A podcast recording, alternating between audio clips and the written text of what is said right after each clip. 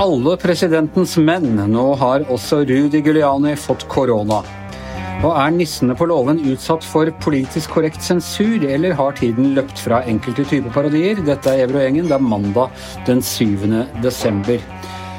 Ja, Hanne, vi hadde egentlig dette realityshowet til Donald Trump ble egentlig erklært eh, entusiastisk for over her for en måneds tid siden, da alle slo fast at Joe Biden hadde vunnet presidentvalget, men det går inn i noen ordentlige bonusrunder. Og en av disse bonusrundene må jo sies å være at Rudy Giuliani, last man standing i denne kampen for å få omgjort valgresultatet, Trumps personlige advokat, en gang en meget respektert borgermester i New York, han har nå klart å pådra seg korona, han òg. Ja, og det er egentlig utrolig at vi trodde at dette showet skulle være slutt. Det sier jo litt om hvor lite vi har lært av det de siste årene.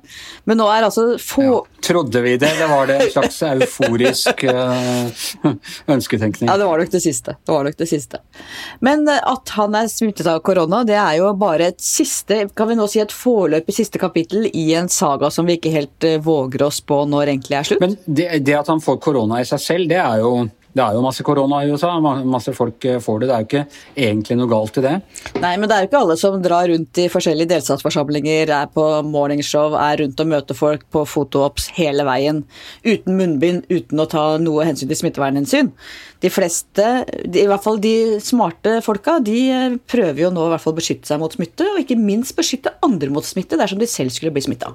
Men ikke Rudi Guliani. Den eneste andre jeg kan komme på som opptrer sånn, er jo da presidenten. Han fikk jo korona, eh, han også. Man risikerer, altså, Det er jo interessant å få vite, dette fikk vi aldri vite med Trump, når han pådro seg korona.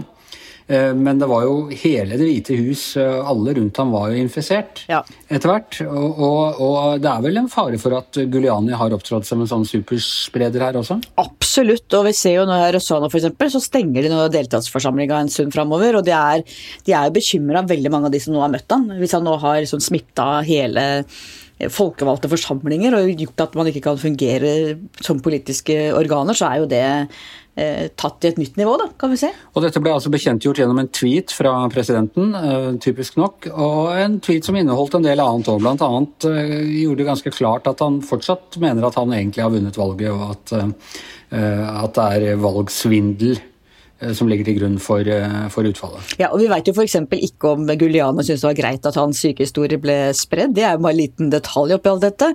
Og så er det jo som du sier, Trump holder fast på valgfusket uh, uansett hva verden måtte si. Og jeg tenker at hardcore-tilhengerne hans er jo fortsatt like på, men spørsmålet er i hvilken grad dette skaller av mer og mer på de som har litt mer i huet. Han, altså, han tapte valget i Georgia med jeg tror det var 14 000 stemmer eller noe sånt. Og lørdag så samlet han 10 000 eh, åpenbare velgere da, i, i, Georgia, i en sånn eh, flyhangar. Eh, det sier noe om kraften bak den bevegelsen han, eh, han har hatt lenge, og som på en måte ikke ser ut til å, til å svinne hen fordi man har tapt valget? Ja, men nå vet vi jo ikke 10 000. VG intervjuet jo bl.a. en som hadde reist langt derfra, fra en helt annen stat for å komme. Så om det var liksom bare om man liksom har smack 10 000 akkurat i nabolaget og i ethvert nabolag, eller om det er hardcore-folk fra hele USA som reiser langt om det er de 10 000 eller om det er mange millioner, det vet vi jo strengt tatt ikke. da. Vi vet jo ikke hvor sterkt han står, men det er klart at uh, både du og jeg var jo på events gjennom valgkampen og så hvilken enorm kraft han har hos sine tilhengere. og hvilken, Han er en demagog. Når han står foran de massene og taler, så ser du at han vinner folket på en måte som, som kanskje ikke de grå, kjedelige og mer solide politikerne gjør på samme måte. Ja, Jeg vet ikke om jeg syns det er betryggende at folk har reist langveisfra for å høre på dette uh, røret. Uh, det kan du si. og da, da Jimmy Carter tapte valget i uh, 1980 så tror jeg ikke han hadde klart å samle 10 000 til entusiastisk møte rett etterpå. Så det er, det er en helt ny situasjon, en ny type bevegelse han er i, i ferd med å bygge opp her. Ja, du kan vel si at det er fortsettelsen av bevegelsen han har bygget gjennom alle disse fire årene, eller før det også. Eh, det er klart at han spiller på noen strenger og har jo til fulle nå gjennom særlig tiden etter etter valgnatten vist sitt altså, sanne udemokratiske ansikt. Og det han fortsetter å bygge videre på nå, det er klart det kan bli ganske skummelt. Vi vet jo ikke hvor dette bærer. Vi vet jo heller ikke hvor sterkt han faktisk står, og hva han evner å få til i åra framover. Det er altså fortsatt en, en lang rekke republikanere, så, fremtredende republikanere som ikke De har ikke nødvendigvis gitt støtte til hans øh, påstander, men de har heller ikke gått ut og åpent anerkjent at Biden har, har vunnet valget. Når tror du det kan komme et smertepunkt her? altså På et eller annet tidspunkt så uh, begynner jo neste valgkamp uh, i USA. Den, de varer jo gjerne De regjerer i to år, så det blir valgkamp i to år. Uh, og da vil det jo være andre fra det republikanske partiet som vil være fristet av tanken. Når tror du dette begynner å kunne utkrystallisere seg? For Trump har vel gjort det ganske klart at han er kandidat i 2024 også? Ja, Det er et godt spørsmål. Jeg tenker Mye avhenger annet av hvordan Mitch McConnell bygger laget i åra framover. Om han for, ja, altså lederen for, lederen for ja, republikanerne i senatet. Fordi at Om han bygger opp unge kandidater som er mulig til å kunne utfordre Trump, eller om han fortsatt ligger på en måte langflat for Trump og ikke klarer å stå på hele det republikanske partiet, om de fortsatt er under hælen til Trump og ikke tør å utfordre ham fordi de er så redd for den Twitter-kontoen og den makta han har hos sine tilhengere, eller om de faktisk står opp og gjør det eneste anstendige som jo guvernørene Georgian og få andre faktisk har gjort. da. Eh, for det er klart, hvis, hvis, det republikanske partiet ikke står opp mot Trump nå, så er han en veldig sannsynlig kandidat om, om fire år. Og da vil den bevegelsen hans bli sterkere ved hjelp av alle hva skal vi si, medløperne. altså Jeg slutter ikke Anders, å forundre meg over medløperne liksom gjør den type folk mulig. Det er de som er de største synderne her, egentlig. For Trump er jo som han er, og det, det fins jo folk som han rundt om i verden. Det har vi sett en masse land opp gjennom historien. Men medløperne som også bidrar til å holde han oppe, det er de jeg mener virkelig bør få sin harde dom i historien. Ja, Hva er det man sier om eh, når demokratiet faller? All it took was for good men to do nothing. Og det er vel akkurat det som skjer nå. Jeg vet ikke om det er good men, men det er altså menn og kvinner som ikke ikke foretar seg noe når det helt åpenbart er overgrep mot, eh, mot demokrati. Vel, uansett, det vil holde oss eh, i jobb i, i fire nye år, og, og, kanskje fire nye år etter det også. Eh, han er teoretisk sett, hvis han blir valgt gjennom fire år, så kan han sitte i åtte derfra. Ja, Men da er han vel så gammel at da er det vel ja, Det er bare en steroidesprøyte i rumpa, og så holder han det gående fire år til. så... Så det holder i hvert fall til jeg blir pensjonist. Jeg vet ikke om, om, om det helt, eh, helt, rekker for deg. Vi kommer uansett eh, tilbake til saken. Tusen takk, Hanne. Vi skal hjem og til en debatt som kanskje har noe med dette å gjøre. Kulturdebatt. Altså, det ble klart før helgen at uh, Jeg er ikke helt sikker, Hans Petter, er det, er det TV Norge eller var det Dplay som har fjernet de gamle episodene av sesong to av 'Nissene på låven'? En, en ti år gammel sånn julekalender eh, reality-parodi med, med, Espen Ekpo i de fleste sentrale roller? Ja, altså, det er jo, det er jo litt Discovery det der som eier hele det konglomeratet der nå. Sant? Så det er de som har da bestemt at det, sesong to da, av eh, Hva het, hva het det for noe, egentlig? 'Nissene på låven'? 'Nissene gjennom skog og hei', tror jeg den het. Den, ja, den, sesong, den, to. sesong to, ja. At den skal ja. tas bort. Og det er av at en av karakterene her, da, eh, eh, som Espen Eckbo har, som heter for eh, Ernst Øyvind Tveit, så vidt jeg husker, har da såkalt uh, Eller i hvert fall han er, er malt seg i ansiktet, så det er mange som tolker det som, som det som kalles for blackface. da Og, Og det sier da TV Norge og Discovery at det ville ikke ha skjedd i dag. At man har spilt inn noe sånt med, med en sånn type maling i ansiktet. og Derfor så trekker de det. Og da er det malingen i ansiktet konkret å gå på, for selve figuren er en ganske sånn litt, hvis jeg ikke husker feil, treig sørlending. Ja. Og har lite, lite med, med verken Afrika eller andre land enn Norge å gjøre. Han er veldig norsk, denne figuren, utover, eh, utover da denne påmalte hudfargen? Jeg husker ikke så utrolig godt denne serien, der, for det, den sesong én syns jeg var litt bedre enn sesong to. Men, eh, men, så vidt jeg forstår, så er han Ernst Øyvind Tveit en sånn litt sånn treig type. da, sånn eh, Litt lat og sånn, og det er jo en, kan jo tolkes som en stereotypi på eh, afrikanere. Sant? Så, det, så det, ja, det er hele pakka her, da. Jeg må si at når jeg så han, så tolkte jeg ham nok mer som en parodi på, på folk fra de sørlige fylker i Norge, og med, med navnet i det hele tatt. at han at han liksom var mer norsk. Men det er litt merkelig. Jeg husker stussa litt på det. Hvorfor er han, hvorfor er han uh, svart uh, i, i, ansiktet? Men Yngve Kvistad, dette med å male seg svart i ansiktet, det er en av de eldste tradisjonene i teatret. Shakespeare og Otello uh, er liksom en av de aller mest uh, kjente greiene. Hva er det som gjør at dette er så kontroversielt? Det er jo flere årsaker til det, men én uh, er jo bl.a. at ganske tidlig da, så, så Det var helt sånn pragmatisk, nærmest, eller prosaisk, at det fratok Uh, afroamerikanske skuespillere eller, eller, skuespillere av en annen hudfarge uh, jobber og muligheter til å jobbe både i, i Hollywood og på, på teaterscenen. Uh, fenomenet oppsto jo i, i, for så vidt i USA Eh, med den såkalte minstrel-tradisjonen, som var sånn eh, sang- og musikkshow. Eh, og så kom jo den derre Jeg tror nok at det, det, det store Eh, da det store gjennombruddet med blackface, som kan kalle det det, det var jo med, det, med, den første lydfilmen, altså The Jazz Singer med Al Jolson, som da Som var en hvit, seg, hvit mann som var malt eh, svart. Og dette ble jo for så vidt fulgt opp seinere altså i Hollywood-tradisjonen med altså både Bing Crosby, Frank Sinatra Judy Garland, jeg eh, tror også Fred Astaire spilte sånne roller Sånn at, uh, men det blir mindre av det. Og det, det var et eller annet med at når, den der minstreltradisjonen, som var en live-tradisjon, forsvant og ble upopulær. Så, minstrelltradisjonen, var det det du kalte det? Det ble rett og slett ja. upopulært. altså Det var ikke, noe, var ikke noe grunn til å drive med det. Sånn at det, det på en måte tona ut litt av seg sjøl i, i, USA. da, Men så kom det jo en sånn kontra bølgen da, i, i, i, nyere tid, hvor da det ble veldig eh, politisk ukorrekt å, å gjøre dette der. Da. Men da var det for at det ble tolka som at det hadde en rasistisk uh, undertone.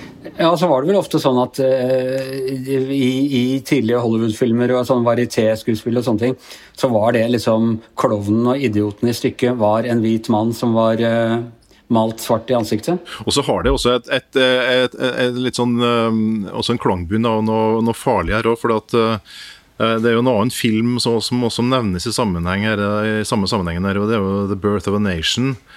Uh, som var bygd på et helrasistisk skuespill om en, uh, en familie i, i sørstatene.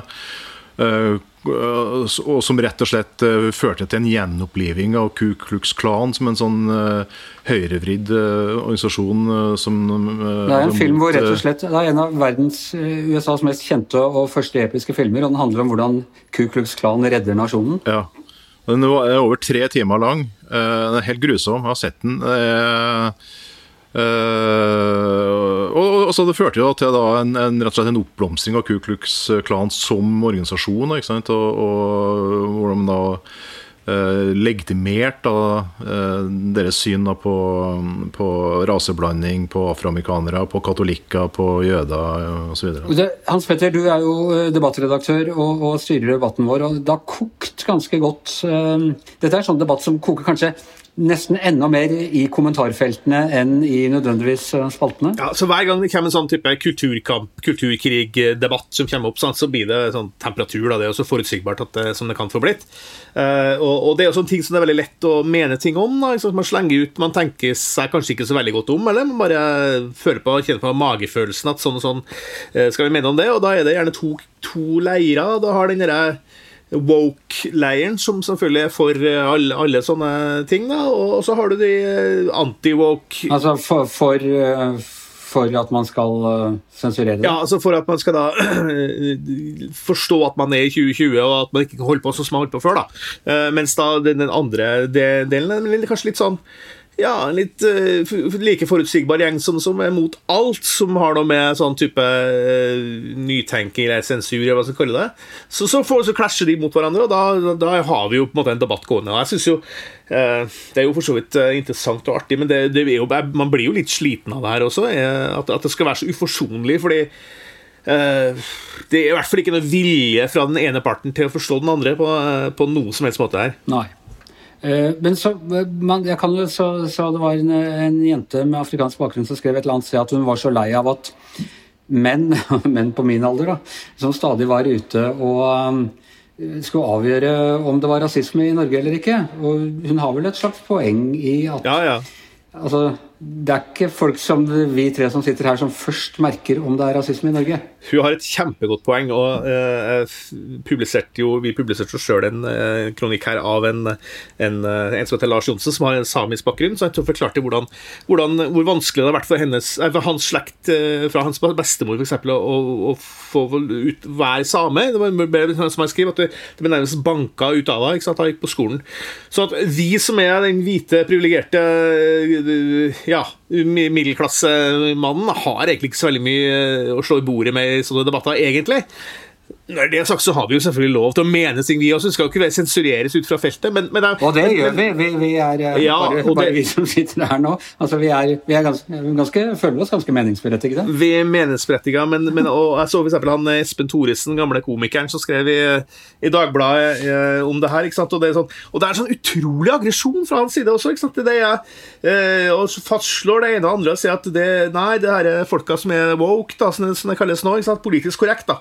det består består av uh, hovedsakelig hvite personer som vil uh, piske seg selv. Skrevet. Uh, og gjør det det? Altså, jeg vet jo masse folk som, som engasjerer seg i de sakene her, som, er, som har minoritetsbakgrunn, selvfølgelig. Og, og, så det er et eller annet med man, Jeg vet ikke hva som det trigger et eller annet hos tilårskomne menn her som kanskje føler at den gamle fortellinga som de har bygd livet sitt på, kanskje er i ferd med å smuldre litt opp da, og da blir det veldig aggresjon på det. En annen ting som slår meg, er at det er en skal si, litt sånn liten vilje til å erkjenne at ting er i endring, at ting endrer seg, at det har det alltid gjort. altså eh, jeg vender stadig vekk tilbake til det du eh, Hans Petter, som historiker sier om det om å forstå historien, og at til og med historie endrer seg. Eh, jeg husker da, da Geir Kvarme spilte i Engler i Amerika på Nationaltheatret i 94, var det vel? 94-95 så, så, så stilte han jo med, med, blackface, som spilte en uh, afroamerikaner. Men jeg reagerte ikke på det så forestillinga, men så ble det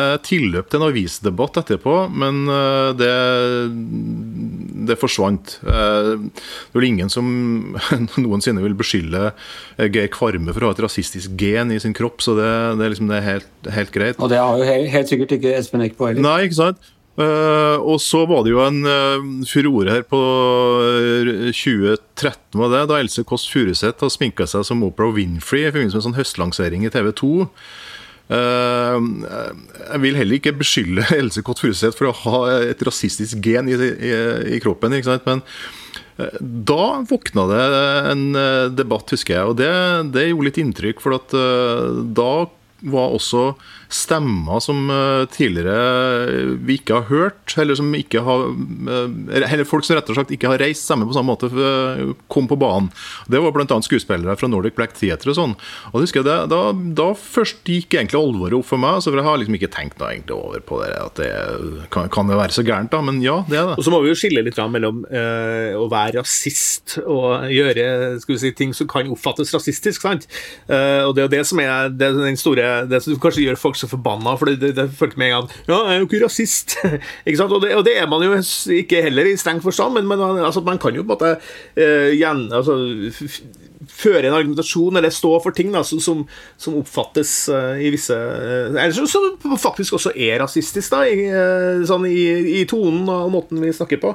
Så det, jeg, jeg tenker sånn at det er mye å si om den woke-bevegelsen. Det, altså, det, er mye De drar den veldig langt, de også, og er veldig strenge og litt sånn renhetsorienterte og sånn. Jeg syns den går for langt i en del ting, men akkurat når det kommer til det blackface-greia, så, så tenker jeg sånn Nå, i 2020, så er blackface tabu, og det er ikke noe sånn det er ikke noe verdivurdering fra min side. Det, det, er liksom bare sånn. Det er tabu, det. ikke sant? Og hver tidsperiode som vi snakka med Yngve sa, sa i stad, jeg har jo, har jo sine regler, har sine, sine tabuer, og så kommer det en ny eh, Utvikler historien seg videre, og så kommer det nye tabuer som river ned det, eller nye bevegelser eller komikere eller hva det skal være, som river ned tabuene, og så reises det nye tabuer. Så, sånn er det holdt på hele tida. Eksempelvis så hadde vi jo altså helt fram til krigen, så var jo alltid eh, pengelånerne og, og sånn i Eh, i film og teater de så ut som sånne antisemittiske karikaturer. Eh, alltid framstilt som jøder. Det sluttet man med etter krigen av, av relativt klare årsaker.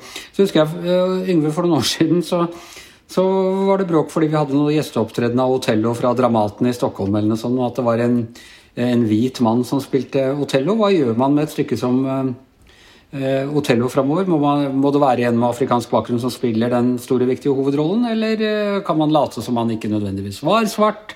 Eller for å begynne å sminke opp hvite til å bli svarte, det går jeg ut fra at man ikke gjør. Nei, altså, jeg håper å si det er to måter å gjøre det på. Eh, hvis man skal fremstille en ironisk Otello, eh, så, kan man naturligvis eh, køle på med brent kork og, og sånt. Det var jo faktisk, apropos eh, Geir Kvarme, husker jeg han Uh, han, var, han, er vel den skuespilleren i Norge som, som har spilt med blackface to ganger.